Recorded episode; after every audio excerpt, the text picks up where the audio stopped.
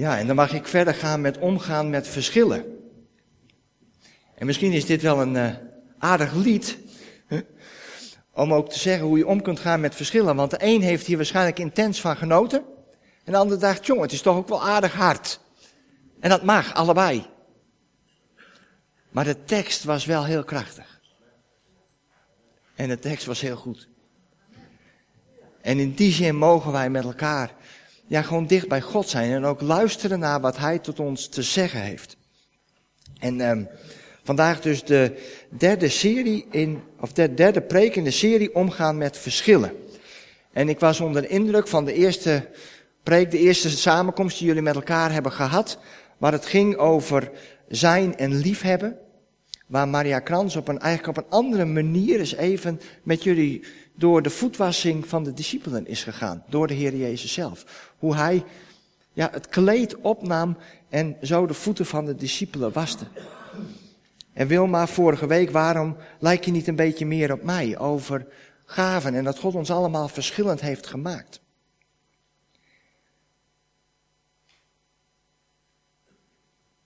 En vandaag een heel ander aspect van datzelfde, van omgaan met verschillen. Want conflicten en ook verschillen zijn van alle tijden. En als je een conflict hebt, als je ergens een meningsverschil over hebt, zoek je ergens vaste grond waarop je kunt staan, waarop je, waarop je een mening kunt hebben.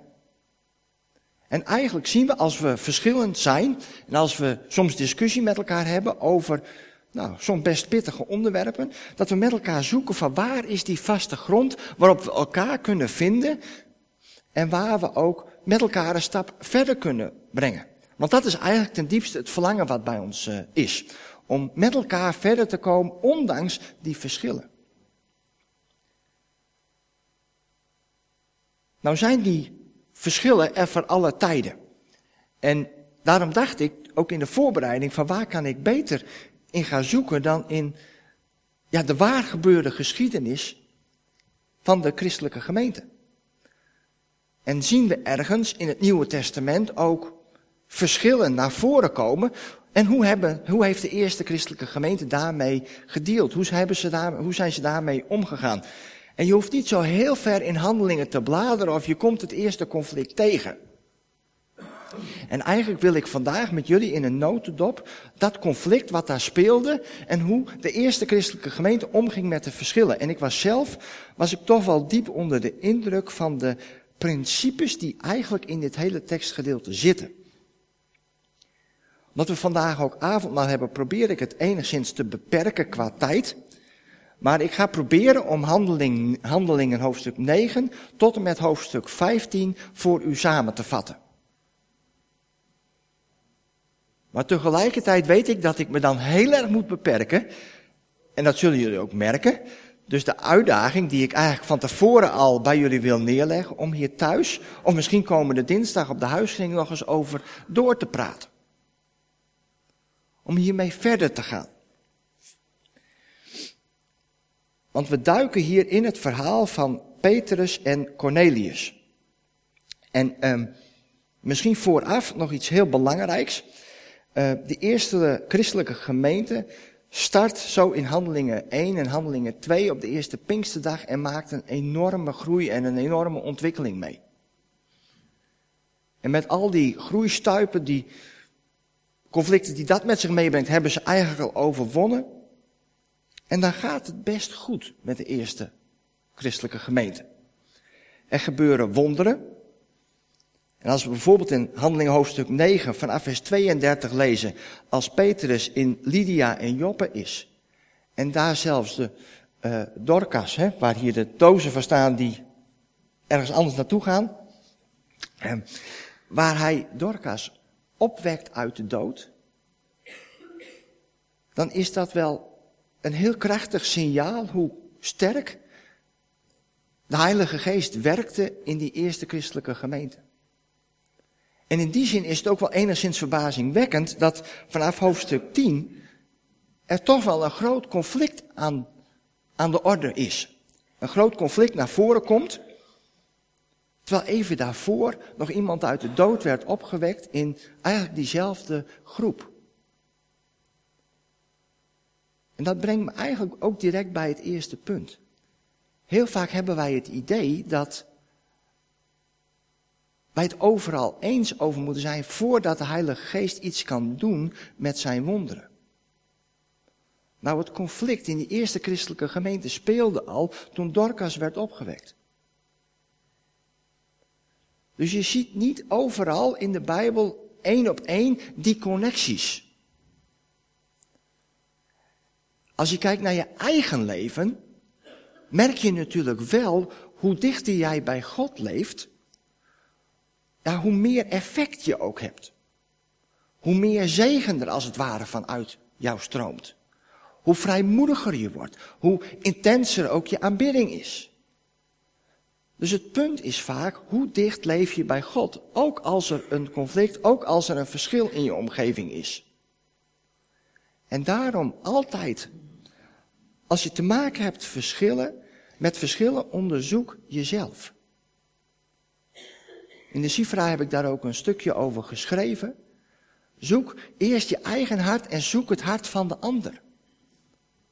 Want op het moment dat je dicht bij je eigen hart bent, wat dat wat daar leeft, kun je ook de ander ontmoeten met zijn of haar hart.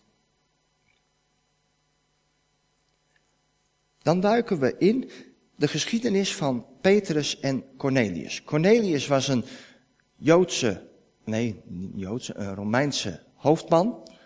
Een leider van een leger van ongeveer 600 tot 1000 uh, manschappen. Dus je moet je eigenlijk voorstellen, als er ergens een, nou ja, een leger gelegerd was, dan was dit het leger wat moest zorgen voor rust in zo'n hele, in heel gebied hier, Caesarea. En deze man leeft dicht bij God. Hij houdt zich aan de Joodse gebeden en hij geeft aalmoezen. Dat was eigenlijk in die tijd een zichtbaar teken dat je een godvruchtig leven wilde leven. En op het moment dat deze man, deze heidense man, deze Romeinse hoofdman aan het bidden is, staat er ineens een engel bij hem. Een engel van de Heer. En die zegt, je moet een paar mannen naar Joppe sturen om Petrus te halen. Hoe concreet wil je het hebben? Een duidelijke opdracht. En Cornelius, godvruchtig, doet dat. Maar dan moet er nog iets anders gebeuren. En dat lezen we in Handelingen hoofdstuk 10, vers 9 tot en met 23. En dat wil ik eigenlijk gewoon in zijn geheel maar met u, met jou lezen. Handelingen 10 vanaf vers 9. De volgende dag, nog voordat de afgezanten van Cornelius in Joppe waren aangekomen, ging Petrus omstreeks het middaguur naar het dak van het huis om daar te bidden. Maar hij kreeg honger en wilde iets eten. Terwijl er eten voor hem werd klaargemaakt, werd hij gegrepen door een visioen. Hij zag hoe vanuit de geopende hemel een voorwerp dat op een groot linnen kleed leek, aan vier punten op de aarde werd neergelaten. Op het kleed bevonden zich alle lopende en kruipende dieren van de aarde en alle vogels van de hemel. Hij hoorde een stem zeggen, ga je gang Petrus, slacht en eet. Maar Petrus antwoordde, nee, heer, in geen geval, want ik heb nog nooit iets gegeten dat verwerpelijk of onrein is. En voor de tweede maal hoorde hij de stem. Wat God rein heeft verklaard, zul jij niet als verwerpelijk beschouwen. Tot driemaal toe hoorde hij de stem. En direct daarna werd het voorwerp weer in de hemel opgenomen. Petrus vroeg zich verbijsterd af wat de betekenis kon zijn van het visioen dat hij had gezien. Juist op dat moment arriveerden de afgezanten van Cornelius bij de poort. Nadat ze overal navraag hadden gedaan naar het huis van Simon. Ze trokken door geroep de aandacht van de bewoners en vroegen of Simon Petrus in dit huis verbleef. Terwijl Petrus nog nadacht over het visioen, zei de geest tegen hem, er zijn hier drie mannen die naar je op zoek zijn. Ga meteen naar beneden en ga zonder aarzelen met hem mee, want ik heb hen gezonden. Petrus ging naar beneden en zei tegen de mannen, ik ben degene die u zoekt. Wat is de reden van uw komst? Ze antwoorden Cornelius, een centurio, die een rechtvaardig man die God vereert en bij het hele Joodse volk in aanzien staat, heeft van een heilige engel opdracht gekregen u naar zijn huis te laten komen om te luisteren naar wat u te zeggen hebt. Daarop nodigde Petrus de mannen uit om binnen te komen en bood hun onderdak aan. Tot zover in eerste instantie deze geschiedenis, dit tekstgedeelte. Het is denk ik goed om even te beseffen wat hier gebeurt. Um, de eerste christelijke gemeente was een gemeente die bestond uit Joden. Uit Joden die tot geloof gekomen waren. En zodra de apostelen uitgingen om het evangelie te verkondigen, gingen ze altijd naar de synagogen, naar de mensen die ook Joods waren. Daar verkondigden ze het evangelie.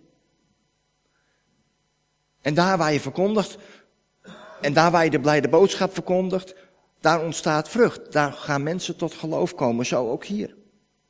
En zo zie je op heleboel plekken rondom Judea en Samaria, zie je gemeenten ontstaan. Maar eigenlijk al die gemeenten zijn gemeenten die bestaan uit Joodse mensen. Mensen met een Joodse achtergrond.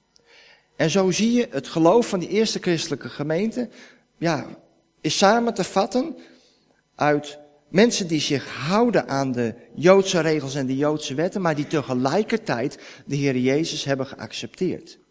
En de Heilige Geest hebben ontvangen. Zo ziet die eerste christelijke gemeente eruit.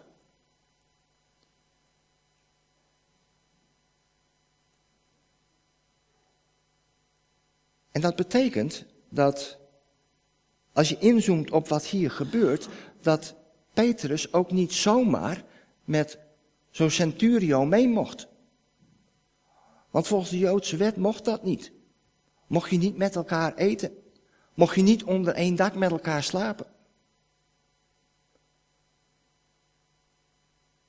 Dus wat hier gebeurt is heel fundamenteel, heel cruciaal. Het feit dat God door de Heilige Geest, door dat visioen, Petrus als het ware overtuigt van hoe God dingen ziet. Het resultaat is dat wij hier vandaag de dag ook gemeente kunnen zijn. Want op het moment dat Petrus hier niet had geluisterd en vast had gehouden aan zijn eigen geloof, dan hadden wij hier waarschijnlijk vanmorgen niet gezeten.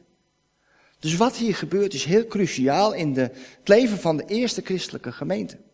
Dit is een absolute doorbraak, omdat God op een bijzondere manier aangeeft aan Petrus in dit geval, dat het evangelie niet alleen voor de Joden is, maar ook voor de heidenen. En God doet dat op een bijzondere manier. We hebben dat gelezen. En misschien is het goed om daar even op, op in te zoomen. Um, Petrus is, heeft drie jaar met de Heer Jezus opgetrokken. Petrus heeft de Heer Jezus verlogend, is weer in ere hersteld.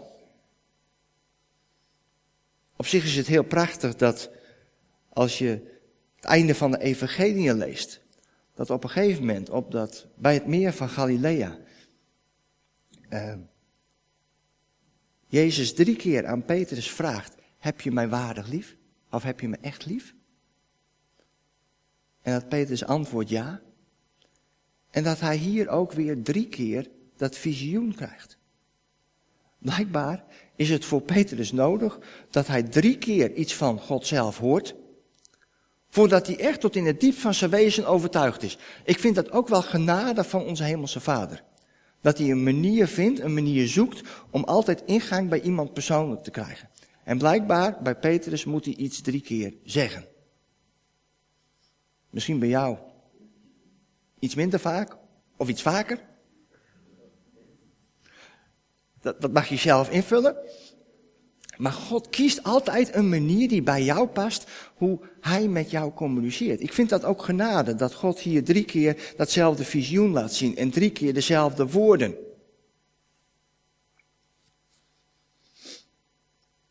Maar wat hier gebeurt, is dat Petrus in zijn situatie, in zijn omstandigheden dacht, ik heb het wel voor elkaar, ik snap hoe het werkt. Ik snap hoe de Heer Jezus werkt, ik snap hoe die eerste christelijke gemeente werkt, want ik heb een enorme ontwikkeling gezien daar.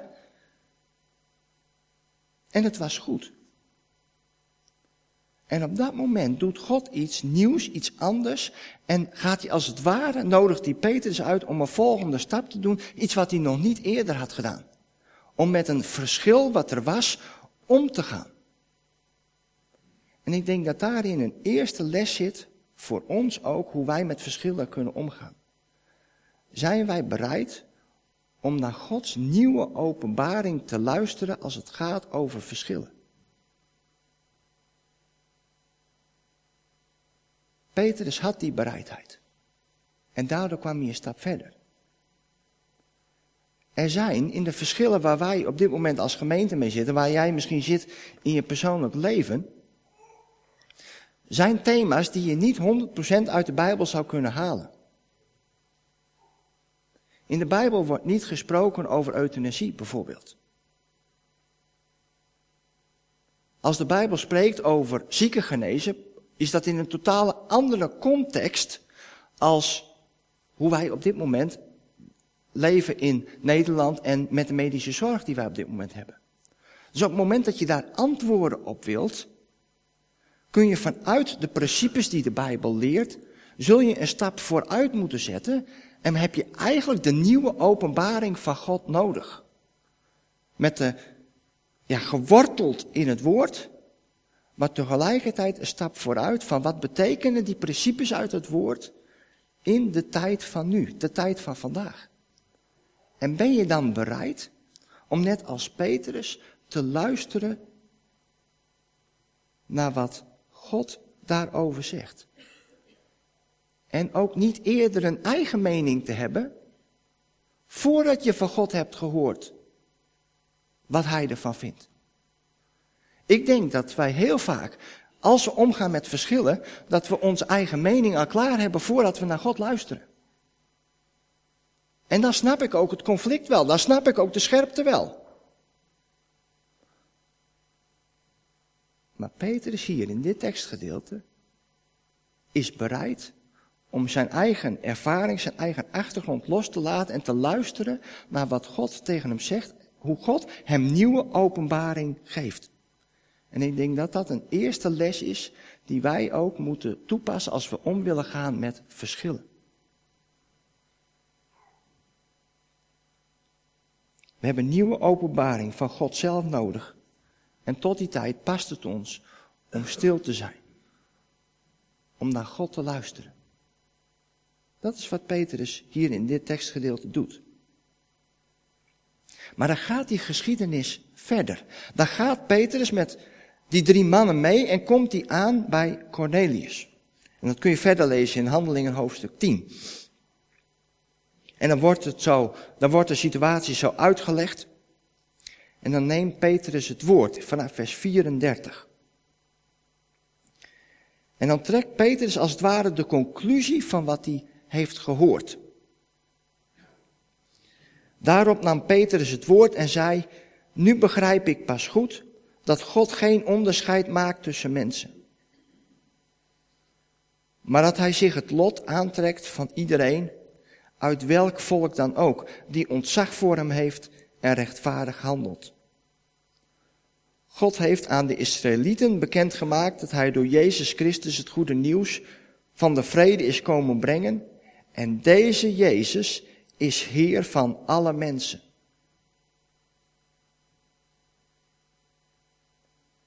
Hier spreekt Petrus de verandering die bij hemzelf heeft plaatsgevonden, spreekt hij uit.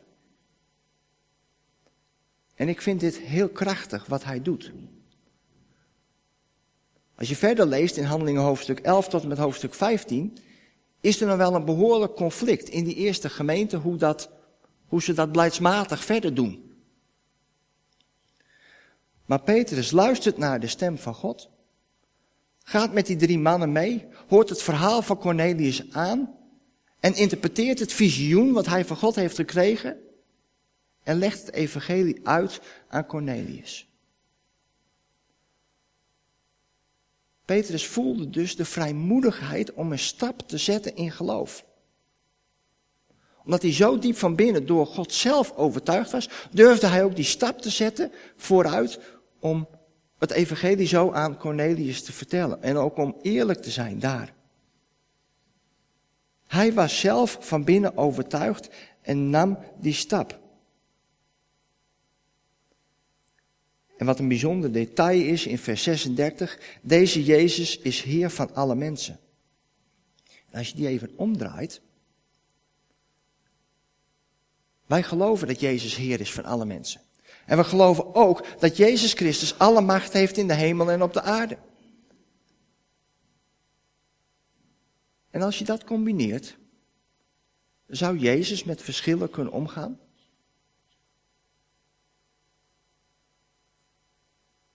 Ik denk dat Jezus met verschillen kan omgaan. Ik denk dat Hij ten diepste ons allemaal kan overtuigen hoe wij een stap dichter naar Hem toe kunnen doen en ook hoe we als gemeente kunnen omgaan met verschillen. Maar als Jezus Heer is van alle mensen en we geloven dat, en we geloven dat Hij boven die verschillen staat, dan is in Hem ook een oplossing voor elk conflict. En op het moment dat er nog niet 100 punten duidelijkheid is, Waar moet je dan naartoe gaan? Naar Jezus. Een conflict kan nooit zo erg zijn dat je er niet mee naar Jezus kan gaan. En als Jezus Heer is van alle mensen, dan moeten we naar Hem toe gaan. En op het moment dat je merkt dat een verschil jou, zorgt bij jou voor verwijdering, ga dan naar Jezus toe. Want Jezus heeft altijd de eenheid op het oog.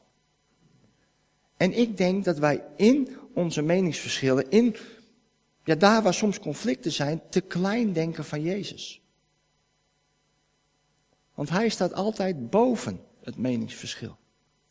En op het moment dat we samen, hoe verschillend dan ook, naar Jezus toe gaan, zullen we altijd dichter bij elkaar komen. En op het moment dat we dan nog een stap doen, zullen we altijd in de Heer Jezus ook weer een eenheid vormen. En ik denk dat we in veel conflicten te klein denken van Jezus. En Petrus, dicht bij Jezus, dicht bij zijn hemelse vader, durft hier in vers 34 tot 36 in de autoriteit die hij had, die stap vooruit te zetten. Als leider van die eerste christelijke gemeente durfde hij zonder ruggespraak deze stap te zetten. Om Cornelius de evangelie te vertellen in dat hele huis daar zo vol.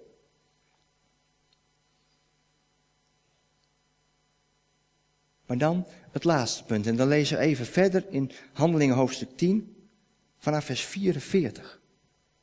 Terwijl Petrus nog aan het woord was, daalde de Heilige Geest neer op iedereen die daar naar zijn toespraak luisterde. De Joodse gelovigen die met Petrus waren meegekomen, zagen vol verbazing dat ook heidenen het geschenk van de Heilige Geest ontvingen. Want ze hoorden hen in klanktaal spreken en God prijzen. En toen merkte Petrus op, wie kan nu nog weigeren deze mensen met water te dopen, nu ze net als wij de Heilige Geest hebben ontvangen? Lieve mensen, wat hier gebeurt, zou eigenlijk met ons allemaal moeten gebeuren op het moment dat we verschillen merken. Het kenmerk van iemand die echt bij God hoort, de mens die echt tot geloof is gekomen, wordt herkend door de Heilige Geest. Doordat de Heilige Geest zichtbaar aanwezig is in het leven van die ander. En als je op die manier nou eens omgaat met verschillen, Je hebt een verschil in standpunt. En dat je aan elkaar gaat vragen, leg mij eens uit hoe je dit, ja, waar zie ik de Heilige Geest in jou? Waar zie ik de Heilige Geest in dit verschil?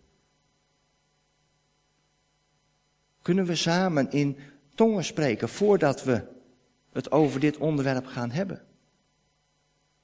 Leg me eens uit hoe je vanuit dat standpunt wat je hebt, hoe je dat doet, vervuld met de Heilige Geest.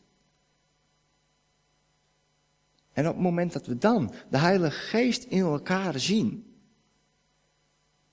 ontstaat er ten eerste altijd ruimte. Maar ten tweede ontstaat er ook begrip. Want als de Heilige Geest is uitgestort in het leven van die ander en je ziet dat, je merkt dat. Maar toch heeft die ander op basis van die persoonlijke relatie met Jezus een andere mening. Dan ontstaat er ook ruimte om met jou te praten. Want als het goed is, komt dan ook die vraag terug. Waar zie ik de Heilige Geest in jou? En op het moment dat je op die manier met elkaar spreekt, verandert de gezindheid, verandert de houding. En daarom het derde punt. Waar zie je in het verschil de Heilige Geest? Waar zie je de tekenen van de Heilige Geest? En zo zien we eigenlijk dat dit tekstgedeelte, handeling hoofdstuk 10, en het gaat dus nog verder, maar gezien de tijd beperk ik het tot handeling hoofdstuk 10, zie je drie eigenlijk heel kenmerkende principes voor hoe wij kunnen omgaan met verschillen. Petrus gaat pas handelen, dat was het eerste punt, als Gods woord, als God zichzelf op een duidelijke manier openbaart.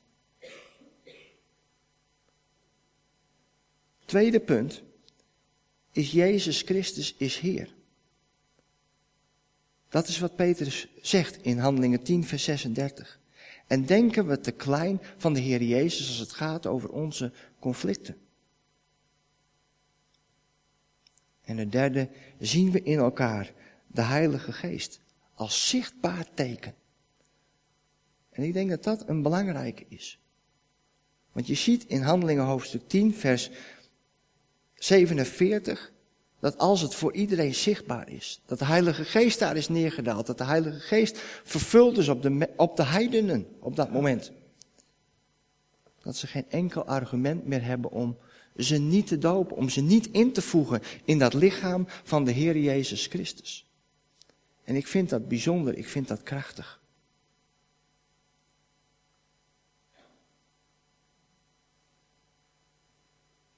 En ik denk dat we, als we op deze manier omgaan met onze verschillen, dat er altijd ruimte komt. Ruimte aan God om op een nieuwe manier te openbaren hoe zijn principes vanuit het woord van God ook toepasbaar zijn in het hier en nu. Op het moment dat we elk gesprek stellen onder de autoriteit van Jezus Christus, dat Hij Heer is en dat Hij voor elk meningsverschil een oplossing heeft. En als we ten derde op zoek gaan naar waar zie ik de Heilige Geest in die ander, dan geloof ik dat we een stap verder komen in het jaarthema van ons als gemeente, kleurrijk. Dan geloof ik dat we een stap verder komen in daar waar verschillen zijn. En jullie merken aan mij dat als dat ik ervan overtuigd ben dat als we op deze manier met verschillen omgaan, dat het ons ook met elkaar een stap dichter bij de Heer Jezus brengt. Een stap dichter bij hoe Jezus wil dat wij zijn. En daarom zijn conflicten, zijn meningsverschillen ook altijd kansen, uitdagingen om met elkaar een stap dichterbij naar Jezus te doen en om ja, te groeien in je geloof. Dus wees daarom ook niet angstig als je met een verschil geconfronteerd wordt. Maar zie het als een kans, zie het als een uitdaging om te groeien. Zie het als een uitnodiging van God om ook juist op dit thema, om daarmee aan de slag te gaan. En ik denk dat als we op die manier ja, ons laten vullen door God zelf, dat we ja, op een bijzondere manier gaan meemaken hoe Hij ook leiding gaat geven Net zoals die in Handeling hoofdstuk 10 leiding heeft gegeven aan de eerste christelijke gemeente. Zullen we nog een moment bidden?